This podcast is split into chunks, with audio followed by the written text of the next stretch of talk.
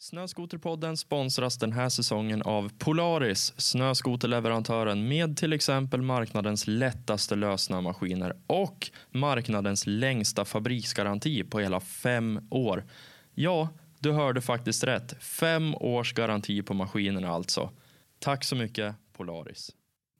Eh, och det, liksom, det här är den ultimata aktiviteten. Och, och, plus att vi tar oss till ställen i naturen och alltså naturupplevelser som jag inte skulle få annars. Så det var som så alla, alla olika delar föll ihop tillsammans och det var liksom det, det är det här man ska hålla på med och sen dess då 2013 så har jag varit fast.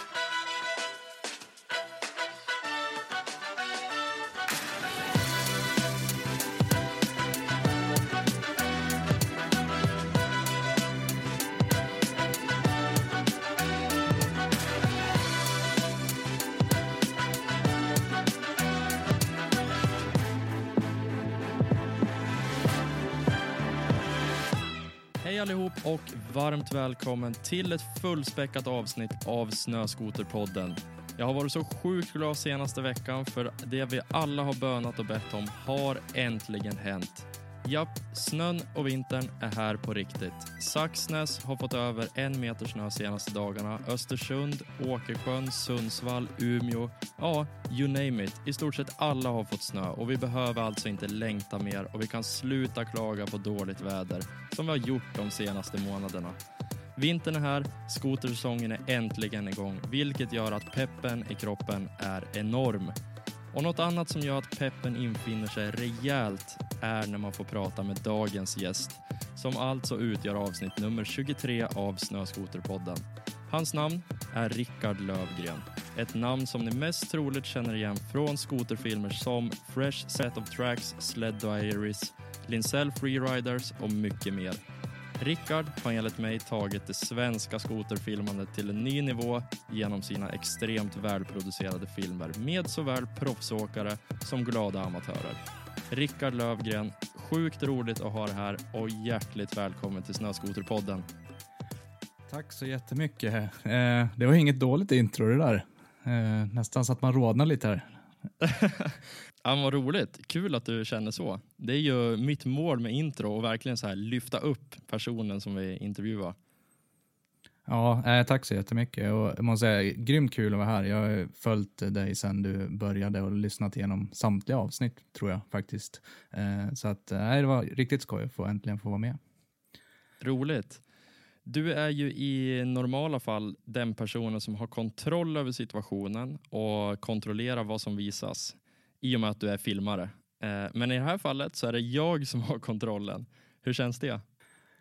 Det känns lite ovant faktiskt. Eh, nu, nu känns det som att jag är i goda händer ändå, för jag har ju lyssnat på det du har gjort. Eh, men det är ändå lite ovant. Jag står ju oftast bakom kameran och säger åt andra vad det är de ska göra. Så att, ja, men lite omvända förhållanden sådär. Mm, jag ska straffa dig rejält nu genom hela den här timmen vi ska spela in. Nej då, det kommer gå jättebra. Det är superkul att ha dig med i alla fall. Men alltså, som jag sa i mitt intro, där kommer jättemycket snö. Kan vi bara ta en minut och prata om det? Ja, äntligen. Eh, måste jag väl ändå säga. Jag har aldrig varit med om en sån här sen säsongstart. Eh, nu är jag fortfarande kvar hemma, och, eh, men eh, ska väl bege mig upp norrut här inom några dagar faktiskt. Eh, upp ja. till Saxnäs som har fått eh, extremt mycket snö och i prognosen ser det ut att komma ännu mer. Ja, men alltså det ser ju ut att vara svårt att ta sig fram till och med med en 155 tums maskin.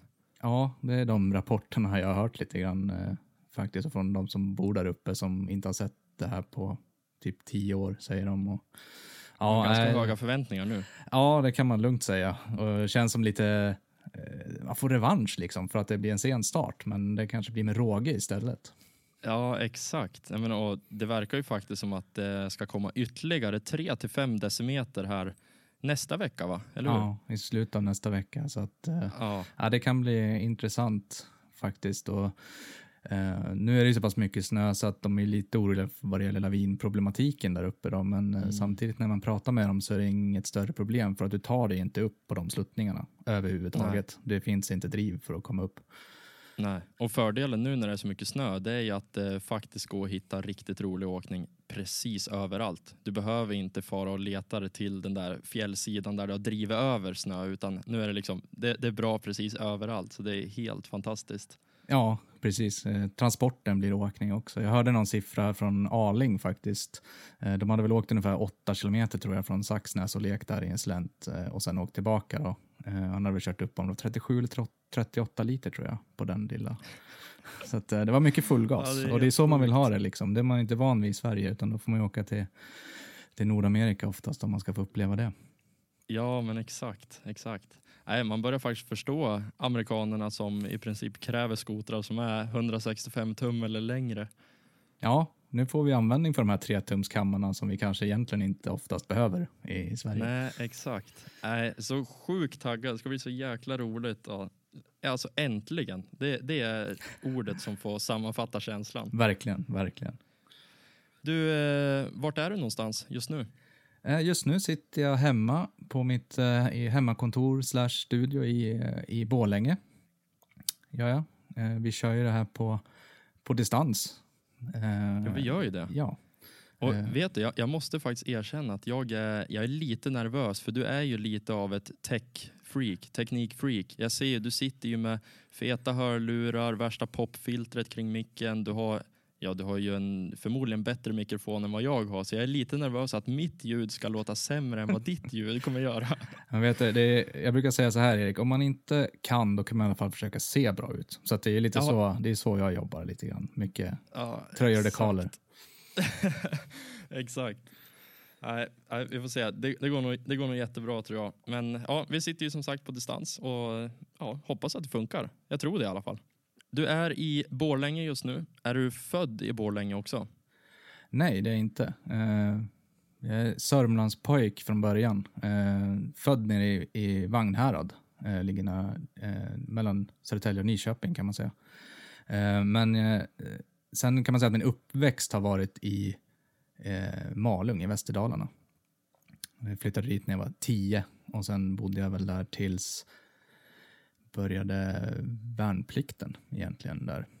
Eh, och sen efter det har jag bott i Sörmland igen i Strängnäs i 20 år ungefär. Och sen flyttade jag hit till Borlänge för ett och ett halvt år sedan, lite drygt. Eh, för, för kärleken kan man säga. Jaha, okej. Men hur kommer det sig att du har flyttat så mycket fram och tillbaka? Det är ju verkligen stora flytt. Det är ju liksom inte att köpa en villa i ett annat område utan det är ju ja, det är ändå några mil emellan.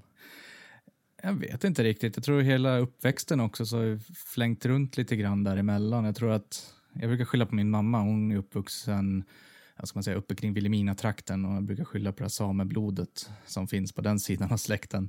Eh, Ja, Nomad-feeling. precis. Det har varit mycket flytta runt, även på de här orterna faktiskt, flyttat runt i olika, på olika ställen. Så att jag har som aldrig varit blyg heller att eh, när det händer någonting i livet att eh, bara riva upp och, och dra vidare. Det var väl i Strängnäs som jag blev, blev fast då i 20 år eh, kan man väl säga. Jag trivdes jättebra där, absolut. Eh, men det blev så. Jag trivdes bra, trivdes bra med det jag livnärde mig med och eh, hela den biten. Men hur, södra Sverige, skoteråkare. Dålig kombo enligt mig. Ja, superdåligt. Eh, faktiskt. Det var ju är typ bättre det när man, när man växte upp i, i Malung där och bodde i Sälen ett tag också. Då var det ju kanske lite mer bättre ur den aspekten. Mm. Ja men verkligen. Då är, det ju, då är det ganska nära Dalafjällen i alla fall. Ja, precis. precis. Och där kan det ju Vad är vara... det? Typ en timme? Ja, det är inte ens det. Tror jag. En, det är en, ja, där kring. 40, mellan 40 minuter och en timme ungefär mellan Malung och Sälen. Eh, och i Sälen finns det faktiskt jag började åka till Sälen, eftersom, jag vill säga så här, jag, eftersom jag bott där också när jag, Mm. tidigare när jag åkte mycket snowboard, så eh, har jag- Sälen inte riktiga fjäll liksom. Så. Eh, men på senare år så har det blivit att jag åkt mer och mer där och upptäckt att det finns jättebra åkning. Eh, det är som överallt annars, om snön är bra så, så krävs det mindre av terrängen. Eh, och i Sälen finns det riktigt bra terräng, även om den är mindre än vad den är eh, längre upp i landet. Så att gillar man Ja. teknisk trädåkning och så där så finns det jättemycket i Sälenområdet också. Ja men exakt. Ja, men jag, jag var där och körde för, jag tror det var två år sedan och jag var faktiskt jättepositivt överraskad. Sen själva Sälen som, som ställe, det är väl så där kan jag tycka. Just för att det är inte så gemytligt. Det är lite stockholmifierat. Om det ens är ett ord, men ja, du fattar vad jag menar. Jag förstår vad du menar. Det är... Eh, Åre är väl kanske snäppet ännu värre, men ja, Sälen är väl up there. Ja, exakt. Men, det, men liksom, det, det, gick ändå att hitta bra åkning, så det var ju nej, det var, det var superroligt faktiskt. Det, det tycker jag verkligen. Men eh, uppväxten, du har flyttat runt en hel del. Vad, liksom rent fritidsmässigt, fritidsintressen, vad, vad bestod uppväxten av? Det började väldigt tidigt. Min, eh, min far har haft eh, trädgårdsentreprenadfirma sedan innan jag föddes.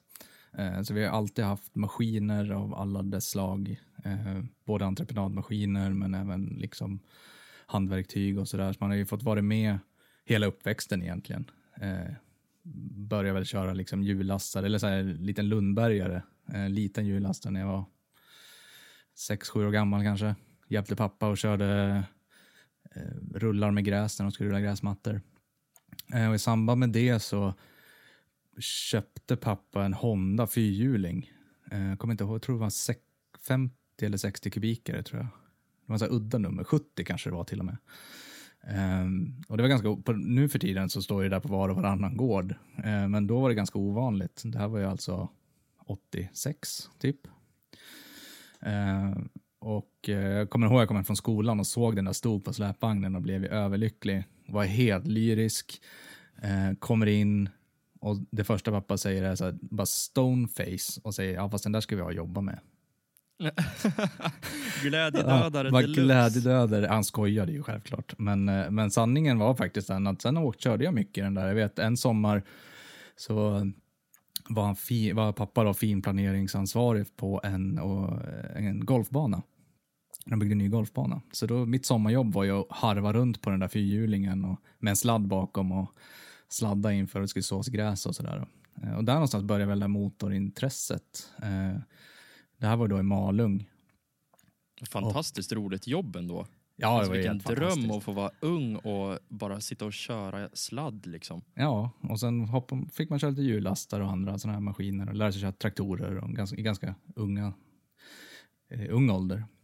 Nyttigt ändå att lära sig det tidigt. Ja, men jag tror det. Jag tror jag haft det. Jag har alltid haft lätt för motorfordon och sådär. Um, men sen, och sen när vi bodde i Malung så var det ju en hel del snöskoter också. Uh, jag ville ju ha, det började med att man ville ha en, en KitKat såklart, från Arctic Cat, för det var ju typ det enda som fanns då i den, men det fick jag ju aldrig. Uh, men sen var det mycket grannar och kompisar och sådär som hade, så att uh, skoterkarriären började nog, det var nog en ET340 tror jag, Yamaha. Med rullgas. En klassisk nybörjarskoter. Ja, rullgas var det på den också, det var lite udda. Mm. Mm. nej, men så den härjade vi ju runt där. Vi bodde precis vid Västerdalsälven. Eh, så att det var ju jäkligt smidigt på vintern att bara kunna bränna ner och köra på isen. Eh, ja visst, och inga hinder eller någonting. Och inte så. Det var ingenting att krocka i och ingenting att köra sönder heller. Nej, precis. Ehm, så det var mycket sånt. Och sen efter det så blev det motocross då. Eh, som också var, det var väl mer enduro kan man säga. Det var inte så ofta vi kom iväg kanske till crossbanan och körde så, men det var mycket enduro hemma på markerna och ute i skogen. Och på vintern bytte man... Det är ju egentligen det roligaste. Ja, det är det roligaste. På vintern så fixade pappa, han drog, tog något gammalt eh, bakhjul och drog igenom några bultar liksom, så att man fick ordentliga snödäck och kunde härja på älven där i skoterspåren. Ah, shit vad roligt. Så ja. det, har, det har ju liksom alltid varit motorfordon då?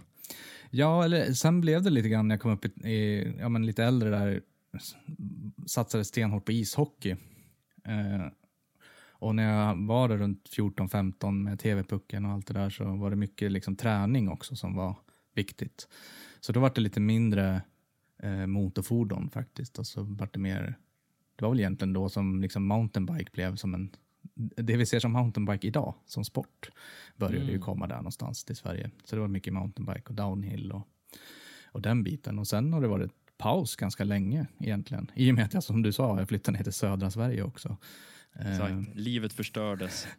ja, nej, då. nej men det sabbades ju lite av att jag flyttade ner där till södra Sverige och uh, jag har alltid haft ett intresse för actionsport, inte bara motor, utan det var som sagt mountainbike och 94 där någonstans tror jag jag började åka snowboard. eh, också. Vilket sen ledde till att jag också gick lokal gren i Malung där på snowboardgymnasiet.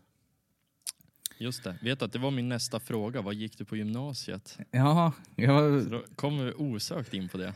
ja, jag gick... Eh, jag gick den så här, så här som man inte blir någonting utav. Jag gick på Samhäll hette det väl då va? Ja, exakt. Ja. Det här för de vilsna själarna som inte riktigt vet vad de vill men vill ändå Ja. ha en inom citationstecken bred linje. Exakt, och de som inte riktigt är att man vill gå natur liksom. Då kör man Nej, Samhäll. exakt. Eh, så gick det och eh, som sagt lokalgren där i, på snowboardgymnasiet. Så att vi åkte snowboard på skoltid och höll på med det ett Väldigt tag. tråkigt förstår jag. Nej, men det var, ja, Nej. precis, det var väldigt tråkigt. Nej, men det var, det var en bra tid. Det var kul. Det var träffa mycket människor från, från hela Sverige också eftersom det var många som, som eh, sökte sig dit för att gå just snowboard. Både lokalgren och eh, vad man säga, riksgymnasiet. Då. Mm. Och det var ju också där som jag lärde känna mycket människor som man har kontakt med än idag. Inom Ja. yrkeslivet eftersom man har gått vidare. Då. Men var liksom målet då när du valde det gymnasiet att du skulle kunna livnära dig på snowboardåkningen? Alltså hade du någon dröm om att du skulle bli proffs? Nej, jag var ju eh, som mycket, mycket annat jag håller på med. Jag brukar säga det, jag har ingen talang, jag kör bara på vilja. Eh, Bara för skojs skull? Ja, jag är väl lite så att allting jag tar mig för, ska man göra någonting ska man göra det ordentligt. Eh, det sagt är inte säkert att man har talang för det. Eh, men jag var väl halv, halvskaplig, och, men jag kände väl kanske också där under gymnasietiden att jag kommer inte att bli proffs. Eh, så. Men det som hände då var att vi höll på med snowboard och det var ju där någonstans, så var det ju kul att dokumentera det. Det kanske man hade gjort innan också som barn. Man Filma lite skateboard och, eh, och wakeboard och allt vad man höll på med. Eh, och så det vart mer och mer foto och i samband med min gymnasietid, så, så gammal är ju jag, så att det var ju typ då internet kom till Sverige. Eh, kan man säga. Och då vart det ju att vart man intresserad av det och så skulle man ju testa hur gör man en hemsida och så måste jag göra om någonting och då vart det ju snowboard. Eh, och så vart det mer och mer foto kring det där. Och, eh, så att det halkade in mer och mer på att vara, vara en del av sporten, men kanske inte liksom atleten som är längst fram, utan den som Nej. står i, i kulisserna och, och eh, supportar bakifrån liksom med allting. Nog där mer och mer liksom runt omkring. Ja, runt omkring och man var med och roddade event och tävlingar och som sagt fotade och skrev artiklar och eh, gjorde filmer och allt, allt vad det var. Jag tror att det var där någonstans som det intresset startade. Mm. Men var det, var det här fortfarande på gymnasietiden du liksom eh, tog dig an sådana här saker och fick det intresset? Ja, det började ju då på gymnasiet. Eh, Ja. faktum är att då en av mina tränare på, på snowboard på gymnasiet, eh, han höll på i samma veva eh, och startade en sajt då som heter svensksnowboard.com. Eh, och efter några år så, eller efter några år, var det tre års utbildning, så det måste vara det andra eller tredje året då, så frågade han mig om inte vi skulle slå våra påsar ihop istället för att jag höll på med någon liten sajt där vid sidan av och han höll på med den här svensksnowboard.com. Um, ehm, så då gjorde vi det. Så då höll vi på och drev den tillsammans och då även efter gymnasiet ehm, fortsatte eh, hålla på med den. Och den var ganska stor. Jag tror att den var tredje största sajten i världen faktiskt efter om det var Onboard tror jag som var störst och någon annan. Men samlade ni typ videoklipp eller vad, vad var syftet med sidan? Eh, ja, men det här var ju på den tiden, kom, det var ju innan Lunarstorm, eller det var väl där, eh, den som var innan tror jag hette Styleplace. Alltså det fanns ju inte Facebook, det fanns det inte. Det var ju forum och så vidare. Så det var ju en, en, en eh, ska man säga, en social plattform liksom för allt runt snowboardåkning i Sverige. Så det var artiklar, det var intervjuer, det var eh, diskussionsforum och det, videoklipp och bilder och allt vad det. Eh, Det finns ju liknande sajter idag fortfarande. Det finns en för skidor vet jag som heter freeride.se. Mm. Det var väl ungefär det. Och de ja, b- en blandning mellan eh, ja, lite allt möjligt, både lite lifestyle och filmer och Ja, liksom, en, en samlingsplats e- egentligen. Ja, precis. Eh, och så att vi höll på med det i flera år och det var jäkligt kul och utvecklande och man fick re- resa mycket redan då och vara ute och fota med en massa duktiga åkare och Eh, ja, det var skoj. Eh, och sen, ah, shit, vad kul. Ja, och sen ledde det, har vi haft, känt varandra egentligen sen dess då, jag och eh, Per Sandberg som han heter. Eh, och eh, det slutade sen med att vi startade företag ihop eh, och har drivit det i 20 år nu och håller fortfarande på med det tillsammans. Oj jäklar. Så du har, du har alltså inte pluggat vidare någonting? Nej, ingenting eh, så. Eh, att, att, bara studera. Eh, det är klart, jag har, vidare, jag har ju vidareutbildat mig eh, inom min yrkesroll, absolut, under de här 20 åren, eller yrkesroller, ska jag säga. Eh, men nej, jag har ingen, ingen högskoleutbildning eller så. Självlärd. Och du, du har, okej, okay, 100% självlärd? Typ. Ja, till en början i alla fall. Ja.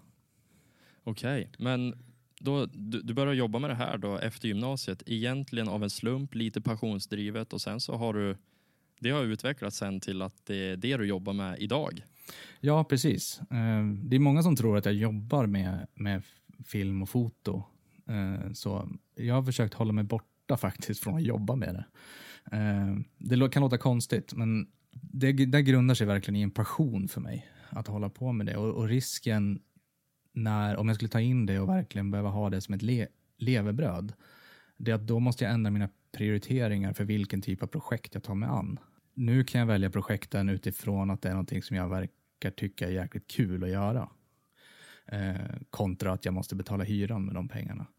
Så att, eh, men i, i vårt företag, Per då är fortfarande professionell fotograf, så att vi har ju en del foto i, i firman.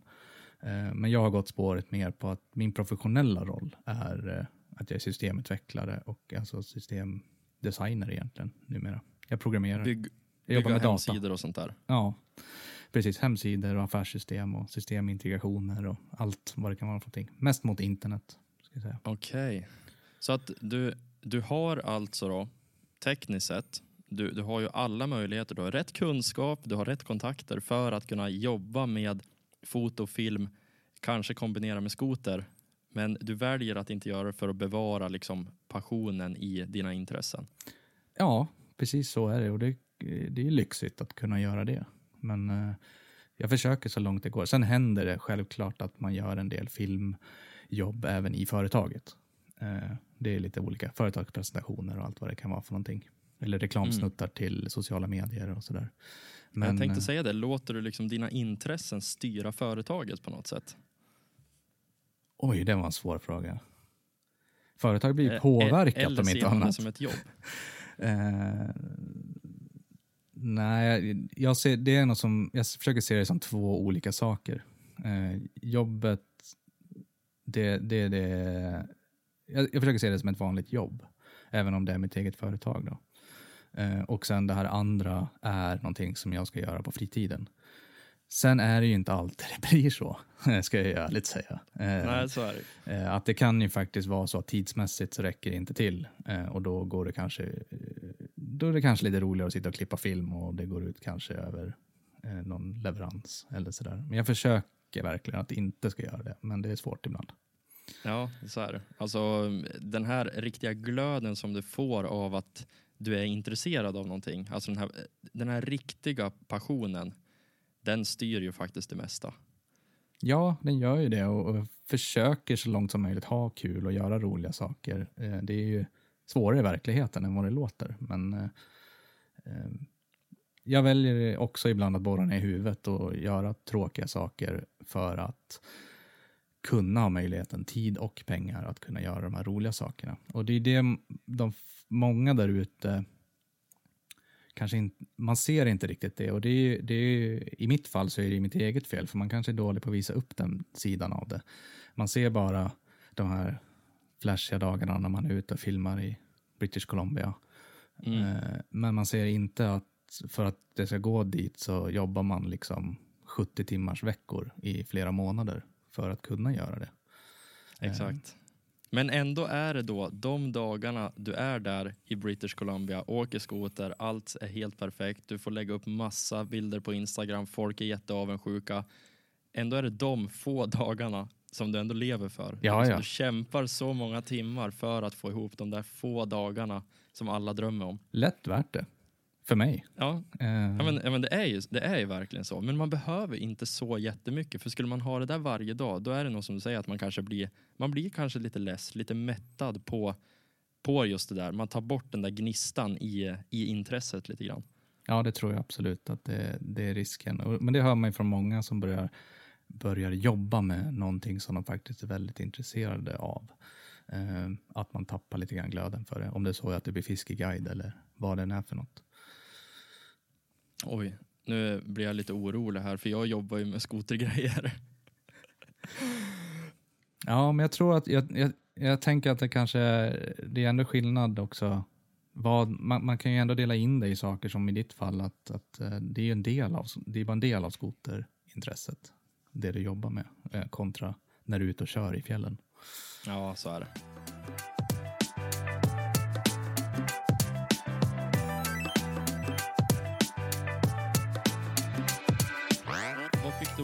Med just skoteråkning? Det var ju som sagt från, från barndom. Jag ville ju ha en skoter sedan jag var liksom fem. Eh, och sen när jag väl blev äldre och kanske fick en egen ekonomi, ja, då flyttade jag ju till Sörmland. Eh, och då kunde jag inte riktigt motivera att köpa en skoter liksom där nere. Det kan man ju inte då, tyckte jag, när jag var Nej, det, 22 det går liksom. ju inte riktigt ihop. Nej, Eh, för för mig som är uppvuxen som sagt i Västerdalarna, då var ju en skoter bara någonting man hade på gården. Eh, hade inte riktigt den här kulturen som man kanske har i Nordamerika där man trailar och har sig. Eh, men sen så vart det efter, kommer inte faktiskt ihåg vilket år det var, 2011 kanske, 2012 något sånt där. Eh, då köpte jag en stuga i Mässlingen i Funäsfjällen. Och, Uff, där är det så himla mysigt. Jag har varit där två gånger. ja, det är fint där. Alltså inte i din stuga, men mässlingen som plats. Ja, det är jättefint där. Det är verkligen, och det var mest för, eh, för sommarhalvåret. Jag älskar ju att vara i fjällen på sommaren och, och flugfiskar och allt sådär. Älskar naturen. Mm. Eh, Men då kunde jag äntligen så motivera för mig själv att köpa en snöskoter. Eh, Ja, då, då var det väldigt befogat. Då är det Ja. nästan ett krav skulle jag säga. Ja, till och med. Skulle jag, jag håller med. Eh, Så då köpte jag faktiskt en... eh, och Då tänkte jag så här att ja, men man behöver inte ha så mycket i Sverige. Det är inte så mycket snö och, och, och sådär. Och, eh, så då köpte jag en Renegade Backcountry. Kommer ihåg, en Skido. Jättefin allround-maskin jättebra allround-maskin och det var ju precis det jag tänkte att jag ska ju åka led och åka och fiska lite på sjön och eh, köra ut på någon, men jag har ändå 44 kam och jag kan åka ut på någon eh, myr och surfa lite grann sådär. Eh, och samma år fick jag kontakt med ett gäng i Strängnäs faktiskt som jag inte kände. Jag kände väl till dem men jag visste inte att de höll på och åkte skoter sådär mycket. Bland annat eh, en kille som kallas för Räven, Christer Leander. Eh, de körde ju med Summits då. Jag liksom dömde ju nästan ut dem att sådana där maskiner behöver man inte ha i Sverige. Det är alldeles för Nej, långa mattor och höga kammar. Eh, Riktiga våldsmaskiner. Ja, nej, men det är så jävla onödigt. Jag förstod inte det där. Eh, Men så fick jag hänga med dem och åka och de åkte mycket här i dalen och även eh, längre upp och så fick jag åka med första året faktiskt på våren. Vid runt påsk där så åkte vi till Jorm. Och fick då låna en, det var det år, 2013 måste det ha varit. För det var då eh, Skido kom med det nya chassit då. Det nya gamla chassit, XM-chassit. Eh, en Summit 154 och så var vi där och härjade och hade ju magiska förhållanden. Eh, och efter det så bara, det var någonting som brast liksom i mig på ett positivt sätt. Eh, för då jag fick den här känslan av, jag fick samma känsla som när jag åkte snowboard, friåkning. Eh, eller egentligen en kombination av eh, snowboarden, lösna eh, tillsammans med den här enduroåkningen eh, och mountainbiken som jag höll på med mycket. Eh, alla de sakerna tillsammans. Liksom. Eh, och det, liksom, det här är den ultimata aktiviteten. Och, och plus att vi tar oss till ställen i naturen och nat alltså naturupplevelser som jag inte skulle få annars. Så det var som så här, alla, alla olika delar föll ihop tillsammans och det var liksom det, det är det här man ska hålla på med. Och sen dess då, 2013, så har jag varit fast kan man Ja. säga. Ja, men det är ju just det där du beskriver. Jag, jag tyckte nu, det där satt du så jäkla snyggt. För det är precis så där, alltså det är precis så där man känner. Just där, jag, jag får både den här härliga harmoniska naturupplevelsen samtidigt som du får adrenalinpåslaget för att det är liksom vad ska man säga, ja men, ja men du får en kick av det också. Du kan välja mellan att åka en mystur till att åka en riktig adrenalinjagande tur. Så det är, som, är det så sjukt varierande. Det, Ja. det är typ det som är det roligaste. Ja, jag håller helt med. Jag är helt fast i det. Och, och det är mycket, en, en stor del i det för mig också som, har, som jobbar inom IT normalt och det kan kan vara ganska högt tempo. Eh, och så där så blir det att när man är ute på en riktig skotertur, alltså kör för sin egen skull och, och kanske jagar adrenal, adrenalinet som du pratar om, eh, då är man ju i zonen. Liksom, jag går in, funderar ju inte på den där deadlinen till den där kunden då när jag gör den där klättringen, utan det blir verkligen i bubblan här och nu. Ehm, Mm. och det tycker jag är väldigt eh, skönt. Det är en väldigt bra form av eh, terapi att ladda batterierna på något vis. Mm. Även om det är sinnessjukt jobbigt eh, fysiskt. Ja, så är det ju. Men eh, du var inne där på eh, din summit 2013. Jag tror att eh, det var där omkring det årtalet. Alltså det är ju åtta år sedan nu. Det är ganska länge sedan när man tänker på det. Mm. Eh, jag tror att det var där, där någonstans jag började kolla på dina YouTube-klipp. För att jag kommer ihåg den där skotern, jag kommer ihåg dig och jag kommer ihåg att jag redan då tyckte att åh, vad roligt, en skoterkanal på YouTube som är välgjord men det är amatörer som kör. Alltså man, man kunde ju ändå se att ni var ju absolut inte proffs som körde. Nej, vi var Men- skitdåliga till och med, skulle jag Ja, vilja säga. men, liksom, men själva produktionen var så välgjord så att jag kunde relatera till körningen samtidigt som alltså, materialet var så välproducerat att det fortfarande var riktigt härligt att titta på. Ja, vad så, kul alltså, att höra. Den här amatörfilmerna fick en, vad ska man säga, en, en riktig nytändning inom mig. För tidigare hade man ju liksom sett skakiga videos och det var halvdan filmning, hårdrock, bara liksom rock'n'roll. Och jag, vet- inte, det kändes som någonting nytt tycker jag i alla fall. Ja, men, eh, vad kul att höra. Eh, det var ju egentligen samma sak då som när vi höll på med snowboarden på 90-talet. Att det var ju mer så det här är någonting som jag tycker är hur kul som helst. Eh, nu måste jag filma och göra något skoj av det. Och på den tiden, det fanns väl kanske lite grejer, men det, det var liksom antingen eller. Antingen så var det de här stora produktionerna, alltså Slednex och det fanns ju några i Sverige som höll på redan då. Simon Selberg bland annat, som vi kommer att prata om lite senare. Ehm, som höll på och gjorde film. Så det var antingen det och sen så var det bara skakigt, någon som har filmat med någon hemmagjord kamera. Men man ska ju också ha med sig att på den tiden fanns det ju knappt actionkameror. Liksom, det var inte lika tillgängligt. Nej, Liksom. Jag kommer ihåg i början när vi började filma lite grann, då tejpade man fast en videokamera på hjälmen liksom, med silvertejp. Eh, men det var väl där någonstans tror jag som GoPron kom. Den första för mig. Ja, men det måste ha varit Lite tidigare var det nog, men ja. Ja, men kring 2010 tror jag första Ja. GoPron kom. Eller ja, nå- någonstans där i alla fall. Ja, nej men eh, det har ju alltså det har hänt otroligt mycket men eh, som, som sagt, det som var så himla roligt var ju att ni var amatörer. Man kunde relatera till körningen. Det kändes inte orimligt. Det var inga 30 meters hopp som också är jättehäftigt att se på men det var som att man kunde ta till sig åkningen på ett annat sätt och det var nej, vä- väldigt roligt. Ja, och sen kul. så har ni ju bara tagit det där vidare. Men liksom, om, vi, om vi bara är kvar lite på själva filmningen. Vad är det svåraste med att vara ute i skogen och filma snöskoter? Det är ju att det är så jävla mycket snö överallt. Jobbigt att pulsa. Ja, eh, jag vet inte vad som är det svåraste egentligen. Det är nog... Man har ju sett en svettig Rickard Lövgren i diverse skoterfilmer. Jo, alltså du kan ju tänka dig själv liksom om det är nu, ja men tänk dig som i Saxnäs nu. Eh, så då har man nog, man hör rapporten därifrån så har ju åkarna nog att bara försöka ta sig fram. Men du ska ju, jag ska ju ta mig fram till samma ställen, kanske till och med lite högre för att få en bra vinkel, med liksom 40 kilo kamerautrustning på tunneln. Eh, så att det, det, det är ju en del av det som, som gör det svårt. Jag skulle vilja säga den andra delen som är svår, det är lite mer abstrakt. Det, det är att hitta liksom rätt gäng att jobba med. Eh, Det är någonting som är jäkligt viktigt för att det ska bli bra i slutändan. Jag tror att det, det speglar liksom hur slutprodukten blir oavsett vad det är man håller på med. Har man kul när man är ute, man, har samma, man drar åt samma håll och har samma förväntningar i, i gänget, då, då blir det bättre i slutändan. Det, det är svårt kan jag tycka. Eh, Jag har haft förmånen genom åren att, att eh, lära känna väldigt många sådana människor som jag trivs med och har jäkligt kul med ute på, på fjället. Eh, ja, det är en svår fråga faktiskt vad som är det svåraste. Men, det, Det svåraste, kombinationen. ja, och sen en annan grej tycker jag som kan vara svårt, det är ju att för mig, det som driver mig inom, inom ska, filmskapande eller, eller vad det än är, om det är så att ta stillbilder, vilket jag också tycker är kul, så är att det måste, det måste ske en utveckling hela tiden. Alltså i att bara göra samma sak om och om och om igen, det är ingenting som intresserar mig. Utan det är att jag måste hela tiden pusha mig själv. Eh, Det får gärna vara lite, projektet får gärna vara lite läskigt och kännas som att jag har tagit mig vatten över huvudet. Eh, Då tycker jag det är som allra roligast. Det är då man utvecklas.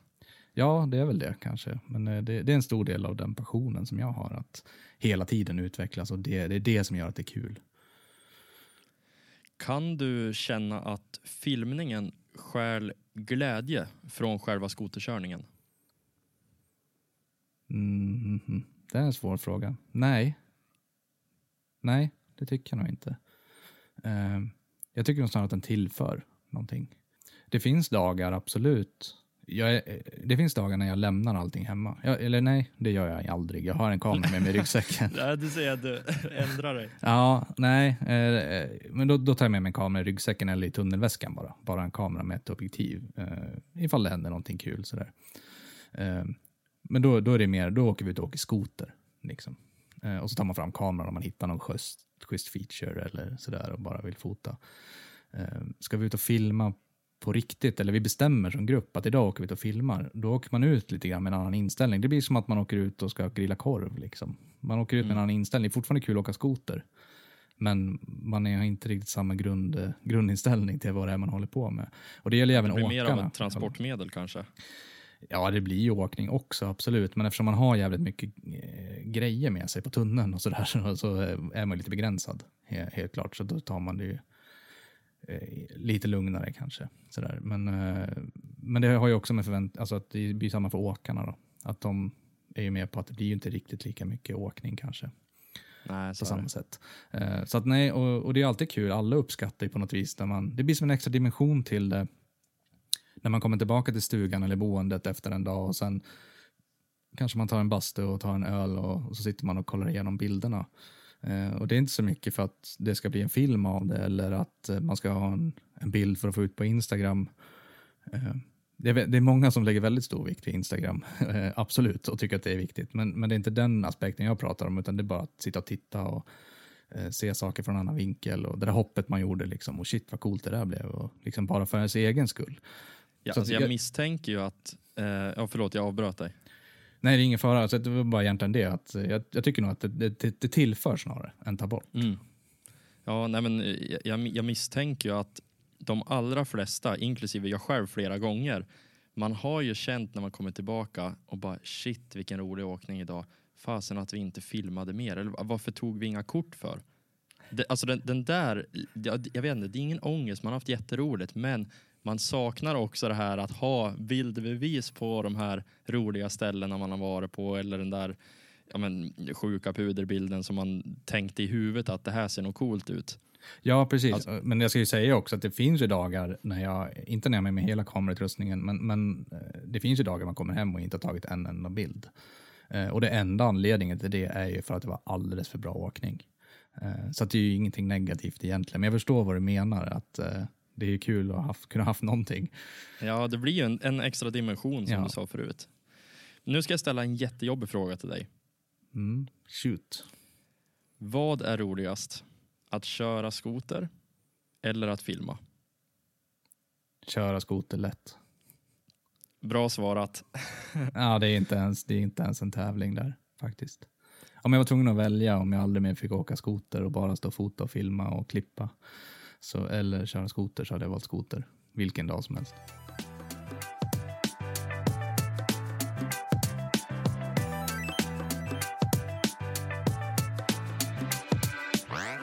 Du, eh, nu när vi pratar om eh, film och skoter kombinerat, det leder oss osökt in på ditt absolut största projekt som ni har marknadsfört att ni har jobbat på i hela tre år, nämligen filmen vid namn Fresh Set of Tracks. Kan du berätta lite grann om det här projektet? Oj, eh, vart ska vi börja? Ja, precis. Vi filmade ju över tre års tid. Eh, och totalt produktionen är väl fem år då, med förarbete och efterarbete. Kan väl börja med vart det, vart det startade egentligen. Eh, det startade ju med eh, Simon Selberg som eh, har gjort eh, Slednäs-filmerna. Han har gjort 20 stycken sådana tror jag han har gjort genom åren. Och, han är också en världskänd filmskapare. Ja, verkligen. Eh, antagligen långt mer än, än mig eh, sådär i rampljuset eftersom han, var också, han är också väldigt mycket duktigare på att åka på något vis än vad jag är. Du, kunde... du, nämnde ordet rampljuset. Han, jag vill minnas att han körde även lite ramp. Ja, han har kört ramp. Lite freestyle. Ja, han har hoppat på ramp ut i vatten och flippat med någon gammal Yamaha i foam pit med soffa fastskruvad och ja, med mycket så här crazy. det här var ju eh, ja, men i samband med Rough Ride. Det var väl egentligen Rough Riders och Sledness. Det var ju de som, filmerna som fanns i Sverige. Han hade i alla fall en idé. Han ville också göra någonting nytt eh, inom snöskoter och framförallt han precis som jag tittar väldigt mycket på film från alla möjliga olika sporter. Inte bara skoter utan skidor, snowboard, mountainbike, eh, olika typer av äventyrsfilmer. Och han kände väl lite grann att skoter låg kanske 10-15 år efter många andra sporter i hur man faktiskt gör film. Eh, vi, skoterfilm var fortfarande mycket som skate eller snowboardfilm var på 90-talet. Det är massa häftiga klipp, skitbra åkning absolut och bra filmat, men det satt till musik bara. Väldigt lite kontext runt det. Så han ville göra mer en dokumentär och få lite mer kontext och vad som driver åkarna och hela den biten runt det. Så han hade en idé om att göra Fresh Set of Tracks då där man får följa samma tre åkare eh, över tre år när de reser till tre eh, olika platser i världen. Eh, för att åka friåkning helt enkelt. Det är ett ganska, en, en ganska storartad plan. Det är så här bara, okej, okay, om ni signar upp er nu på det här projektet, då kommer ni behöva dras med mig i tre år framåt. Ja. Och det sätter lite press på alla. Ja, vi, och vi visste nog inte riktigt vad vi gav oss in på så här i efterhand, kan jag väl ärligt säga. Eh, men då frågade han i alla fall mig, eftersom jag höll på och gjorde de här eh, Sled Diaries som du, som du nämnde tidigare då, eh, som var egentligen hopp och lek Youtube-videos, liksom bara på skoj. Eh, men han gillade liksom den stilen som jag hade som är väldigt olik från det han gör. Eh, jag tycker att det är väldigt kul att få in eh, det här relaterbara som du pratade om och att det är humor och den biten.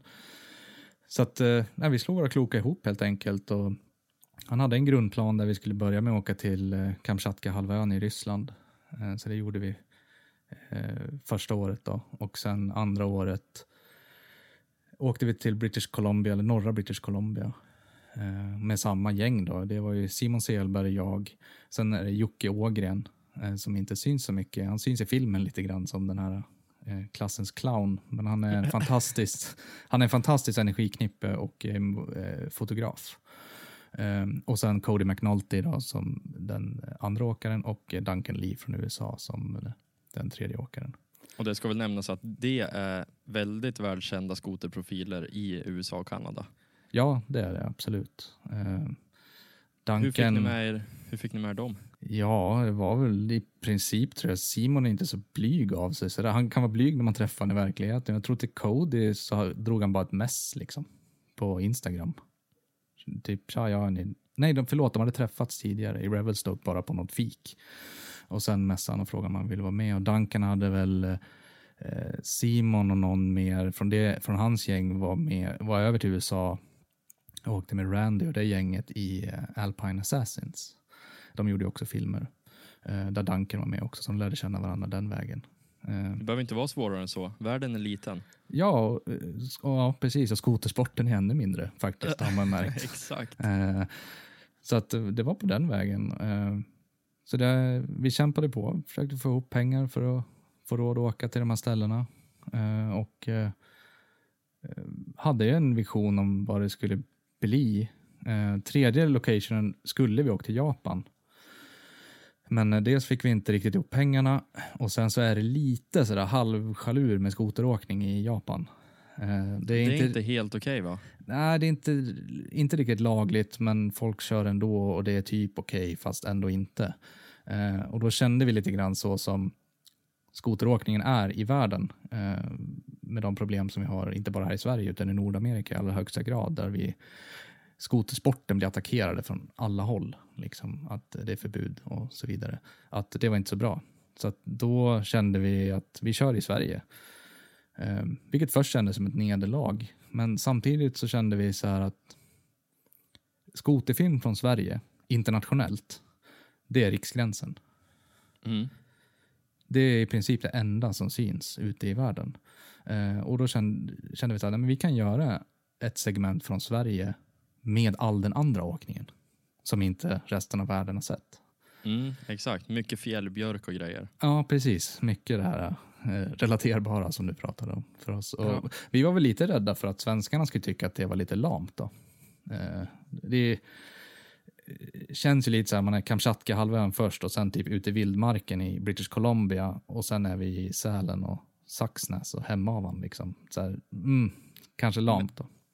Jag, jag förstår verkligen hur du kände då, men jag som åskådare, jag tyckte faktiskt att det, för jag, jag, jag var ju där i Östersund på, på, jag vet inte om det var premiär eller Ja, det var världspremiären. Ja, det var premiären. Ja, jag var där då och eh, ja, jag tyckte bara det skapade en jag vet inte, det vart den här relaterbara känslan och bara okej, ja, det, är inga, det är inga superhjältar man kollar på när man ser de här storslagna vyerna och det är jättehäftigt men jag tycker det bara vart en, ja, det vart en annan dimension av det att du just fick ner det på en, ja, en vanlig svensk lagom nivå om man säger så. Ja, och jättekul att höra och det är den responsen vi har fått också ifrån publiken. Att, eh, från svenskar framför allt. Att de tyckte att det var så fantastiskt bra, just det segmentet.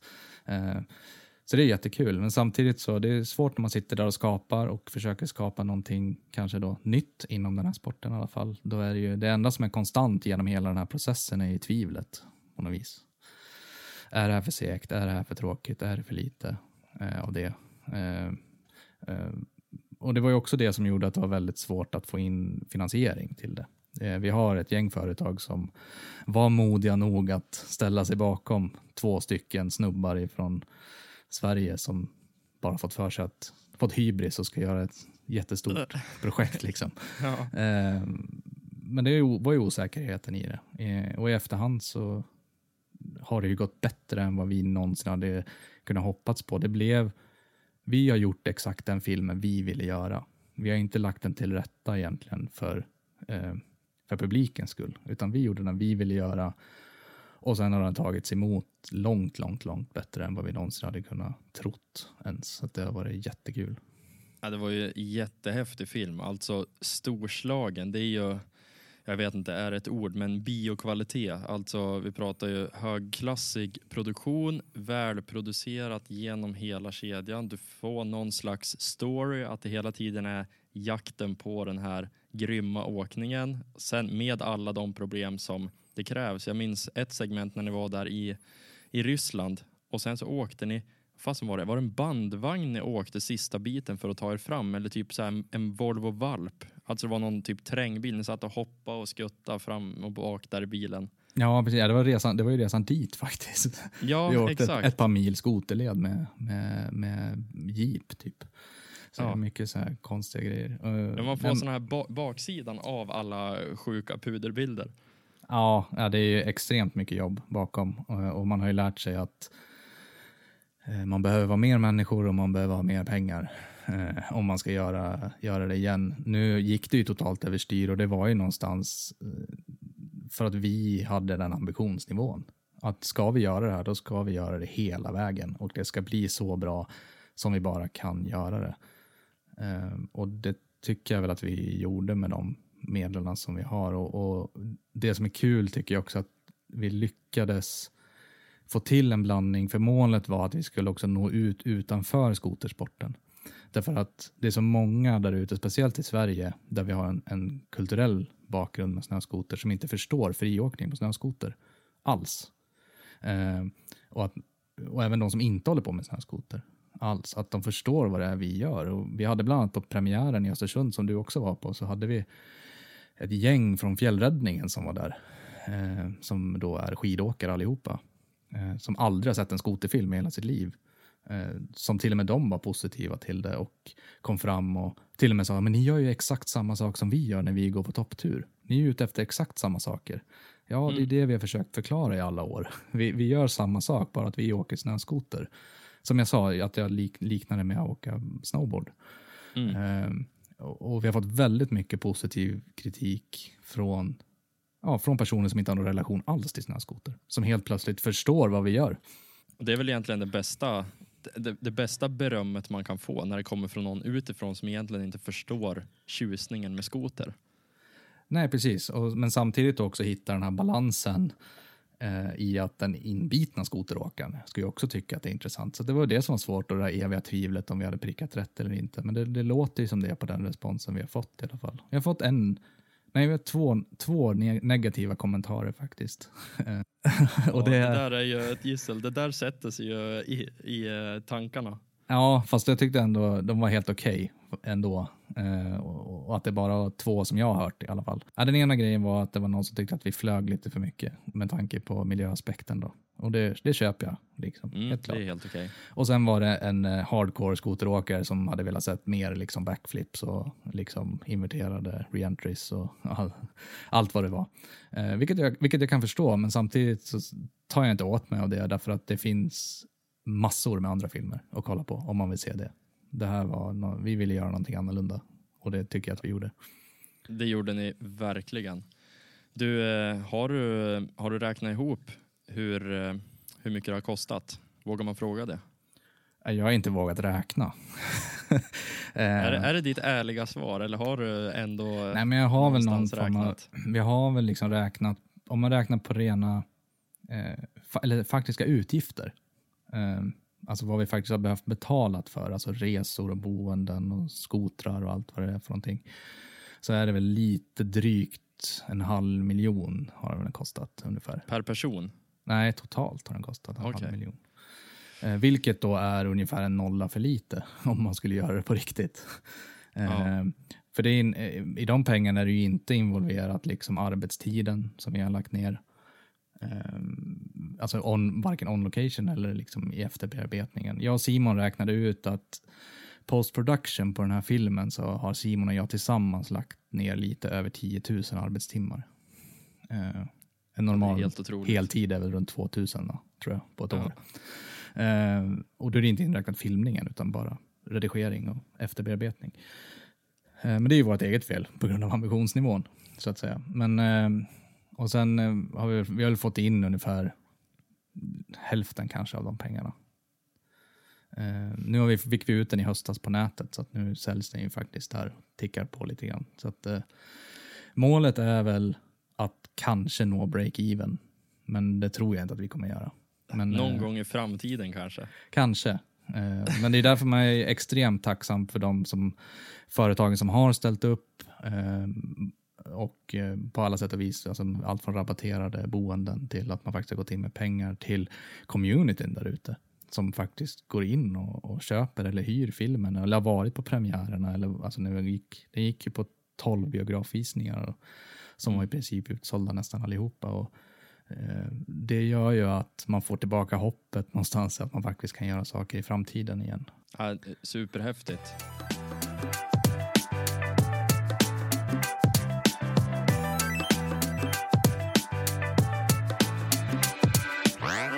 Om man som nybörjare skulle vilja börja med liksom fotofilm eh, som skoteråkare då, liksom, och ge sig ut i skogen och fota polare och sånt där.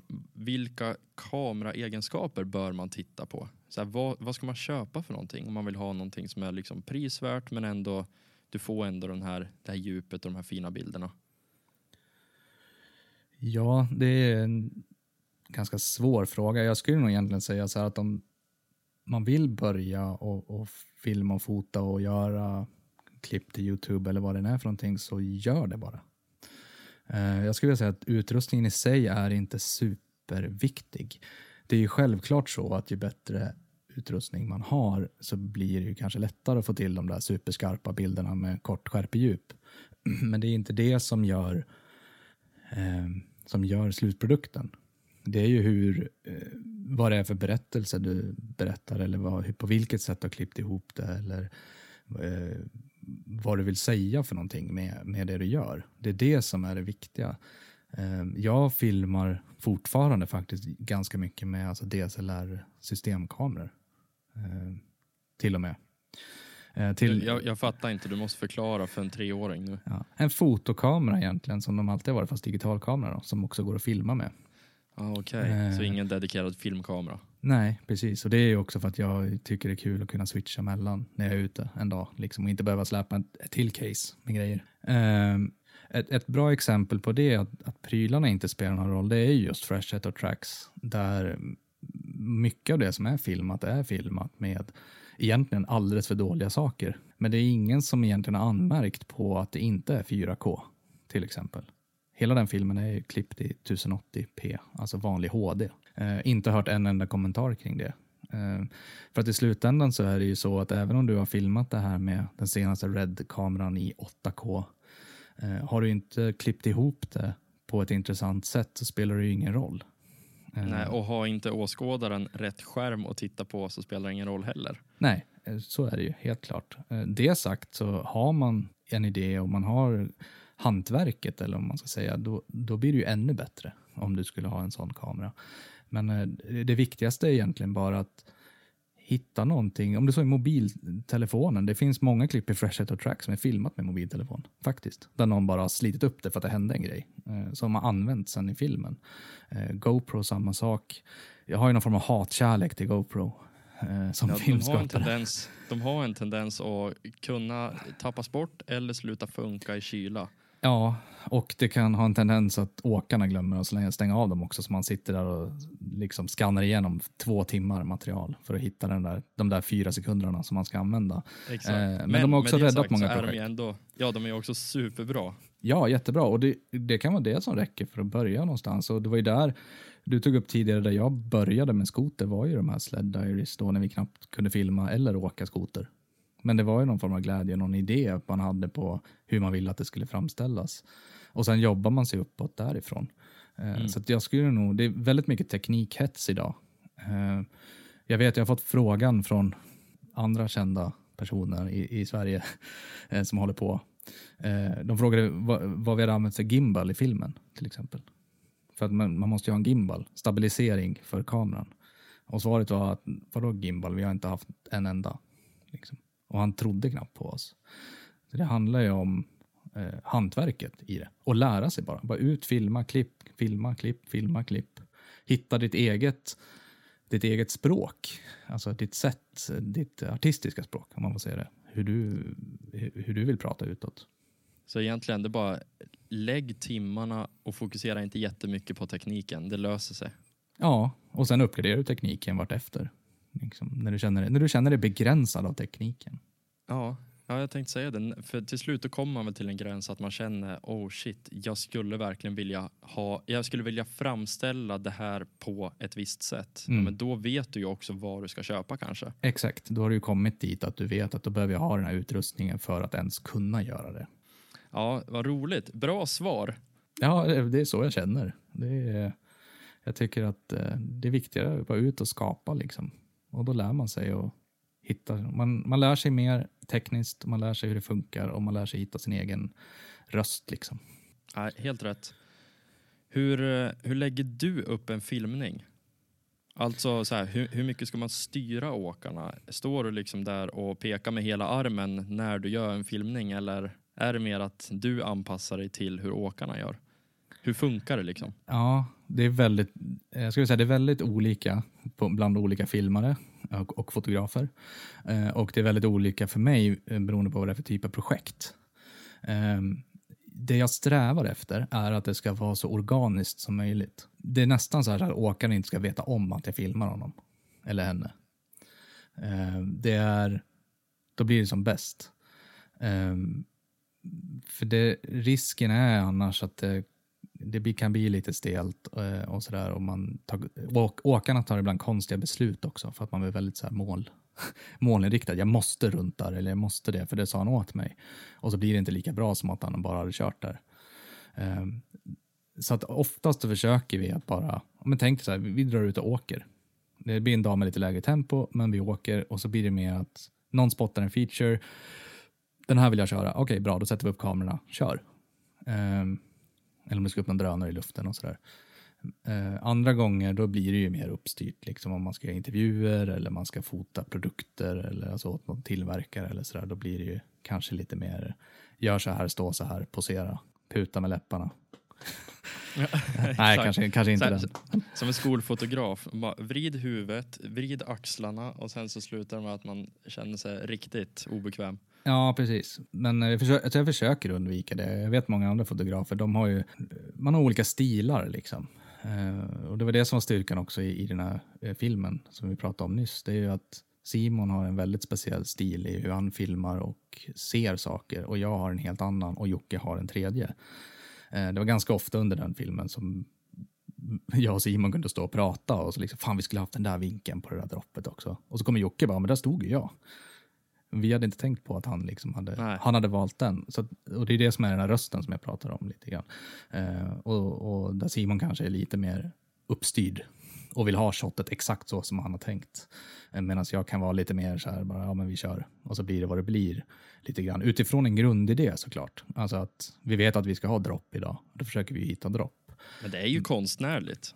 Jo, precis. Och, och det kan vara en enorm styrka också, att jobba tillsammans med andra och kanske haka på andra ut som, som fotar och filmar och sådär och lära sig lite tricks och hur de tänker. För det man ska med sig, det är så en extrem skillnad att filma eller fota också. Fota är ju, jag gör det jättemycket också, jag tycker det är kul för att det är så extremt enkelt i jämförelse. Förlåt alla fotografer där ute. Ankan sitter nu och är Exakt. Nu- skitförbannad. Nu kastar, du, ja, nu kastar du sten i glashus här. Ja, nej men, Nej, eh, men det tror jag många håller med om. eh, För att du behöver ha en frame som är jättebra. Och då är det lättare att säga till åkaren, så här, åk upp där, gör en enfotsvändning i den där drivan. För jag behöver bara ha en frame där i. Medan är det film, då måste du ha inrunnet, att han vänder och åker därifrån. Och ibland så ska du även ha ljudet som Ja. ska vara rätt. Ljudet ska vara rätt också. Ja, Eh, nej, det, det är sjukt mycket alltså. Jag, jag tror har pratat med det med någon annan gäst i podden också. Att det, jag nu som, som spelar in podd, jag har ju så en ljudfil. Jag tycker att det, men det är mycket att hantera. Men alltså film, sitta och redigera både ljud, bild, övergångar och liksom fejda ut alla olika dimensioner. Det är ju, alltså det är ju podd gånger fyra. Ja, eller ännu mer. Du kan få se mina timelines. det är ibland 10-20 videospår och lika många Ja. ljudspår på vissa scener. Ja, det är helt, helt sjukt. Men jätteroligt. Vad är största skillnaden då mellan att filma liksom, kända, duktiga åkare jämfört med att filma glada amatörer? Oj, det är en svår fråga. Vi brukar säga att alla åkare är dumma i huvudet. På Nej. ett eller annat sätt. Ja, nej men eh, det, det är samma... Eh, jag skojar bara, det är så, såklart. Men eh, det är samma problematik oavsett om det är proffs eh, eller kända proffsåkare eller liksom amatörer. Eh, de har ju samma inställning som vi har. Vi pratade om det tidigare, skoter versus filma. De, vill ju, och, de skulle också välja skoter för att vara med i en film. Men de vill också vara med i en film, så det är en svår balansgång. Så att det här med att man kommer fram till ett nytt ställe och det är helt orörd snö. Inte få någon som drar iväg och sabbar den där orörda snön. Det spelar ingen roll om det är liksom någon som man aldrig har träffat förut som precis har börjat köra skoter här i Sverige eller om det är liksom en stor känd nordamerikansk åkare. Det är samma Exakt. problem. Alla är så sugen att bara lägga de där spåren. De där fresh set of tracks. Ja, exakt. exakt. Och, och, och det är det som är så härligt. Vi är samma passion. Det spelar ingen roll vilken, vart man är på, på stegen liksom, i sin egen utveckling som åkare. Så det är eh, samma, skrot och korn. Skillnaden är väl kanske att en, en professionell åkare har ju mer erfarenhet av att filma och eh, förstår processen på ett sätt och har mer tålamod kanske också. Och sådär, Eh, med att saker och ting tar tid att sätta upp och leta efter rätt features och rätt ljus och allt vad det kan vara. Eh, och också duktigare på att köra såklart. Eh, säger man åt, man kan säga åt dem, men åk och gör den där vändningen där så gör de det. Eh, inte alltid, de misslyckas de också. Eh, men eh, det, det är lättare i alla fall. Eh, Så det är väl den största skillnaden. Liksom annars är det samma sak. Och Jag försöker tackla det på samma sätt oavsett vilken, vilken nivå åkaren är på. Det gäller att jobba tillsammans med åkaren också. Att den måste ju vara bekväm.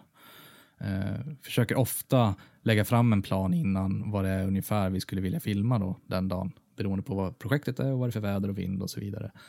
Eh, och så får åkaren själv försöka hitta features som den är bekväm med. Liksom. Och så är det liksom ropa på radion när du hittar något. Och så drar vi ut och kör. Och sen så kommer det ett anrop på radion och säger nu har jag hittat en grej, jag håller på att bygga en kick. Ja, bra, då kommer vi dit och börjar sätta upp. Det känns ju som att du är ganska mycket så här att det blir vad det blir. Ja, Stämmer det? ja, ja. Eh, det beror på liksom projektet. De här grejerna vi gör till YouTube och sådär, det, det, det blir vad det blir. Det är på skoj. Liksom. Så. Eh, Men de här, när man gör lite mer projekt eller har en beställning liksom, på att göra något, då, då finns en grundplan. lite grann. Men, men vi håller ju på med en extrem sport som är väldigt beroende av väder och vind. Eh, Så att man måste ha med sig och vara öppen för att switcha den här planen beroende på vad som händer under en dag. Eh, Så att det är nog bra att ha en grundplan. Liksom. Det är ungefär det här jag vill göra och sen utifrån det sen försöka fånga klipp och sen får man ju oftast massor med material som man inte ens har tänkt på. Som vidareutvecklar din idé. För att det hade du inte ens tänkt på att den skulle komma från början. Man kanske kommer på grejer när man väl är ute och man Ja. hittar en driva som man inte hade planerat att hitta Ja, och sen så exakt. blir det någonting jättehäftigt. Sen en, en till grej jag skulle vilja nämna bara, största skillnaden mellan amatörer och proffs eh, bland åkarna, det är riskbedömning faktiskt, bland åkarna. Att eh, vi brukar kalla det för GoPro-effekten. Alltså det vill säga när en kamera kommer fram, eh, det gäller även mig, så har man en tendens att kanske pusha lite mer. Att man tar lite större risker för att det ska bli coolt på bild eller på film. Jag relaterar. Ja, nej men det gäller alla liksom. Och eh, där är väl proffsen kanske lite duktigare på att eh, identifiera det och inte göra lika dumma saker när kameran kommer fram. Lite mer självbehärskning, vet sina gränser redan i förväg. De behöver inte göra det där häftigaste grejen på film. Nej, lite så. De play it more safe liksom. Ja, men det där kommer väl liksom med, med mognad också i, alltså som skoteråkare. Du lär dig se, du lär dig läsa terrängen, du lär dig se vad som går, vad som inte går. Så det är väl det som utgör ett proffs, eller vad man ska säga, en riktigt duktig skoteråkare. Det är att du, du vet vad som kommer hända. Ja, så är det ju absolut. Och, och det har ju att göra. Det är ju många aspekter i det där för oss som skoteråkare. Allt ifrån eh, lavinsäkerheten där man är just nu till att det, man gör stora dropp eller vad det är för väder i största allmänhet. Kan, om det går fel nu, kan helikoptern komma och lyfta ut oss? Liksom? Eller går det inte? Ja, men då kanske vi skiter i det där stora droppet idag. Vi väntar till imorgon istället. De typerna av diskussioner blir ofta när man jobbar på, med mer proffs, då, eller vad man ska säga, kontra amatörer som, där man kanske li, man har för lite erfarenhet så man vet inte hur fel det kan gå väldigt fort.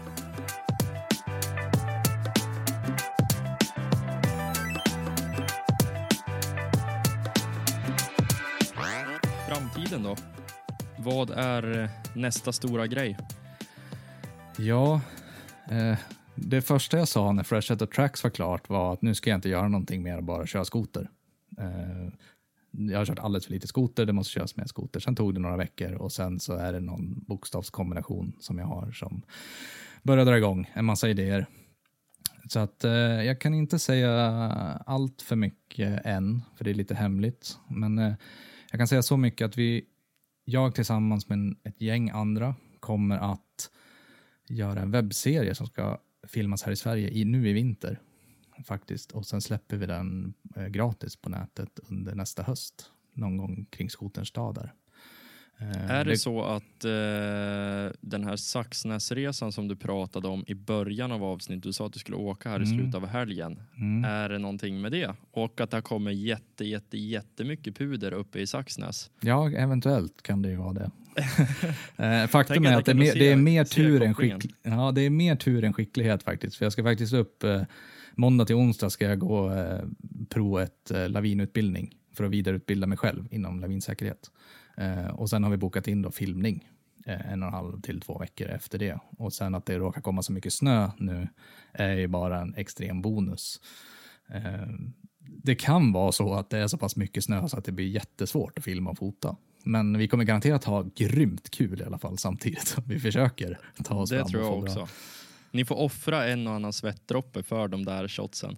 Ja, det kommer nog bli en del fastkörningar tror jag. vi är ett gäng fotografer och nu kommer det vara ganska små gäng ändå med tanke på pandemin då. Eh, så vi har försökt lägga upp projektet på ett sånt sätt så att vi ska liksom vara, ta vårt ansvar när det kommer till smittspridningen eh, och filma få åkare i taget. Det är väl klokt. Men, ja, man får försöka samtidigt. Vi måste ju försöka ändå ta oss framåt och se framåt vad som händer nästa år och sådär.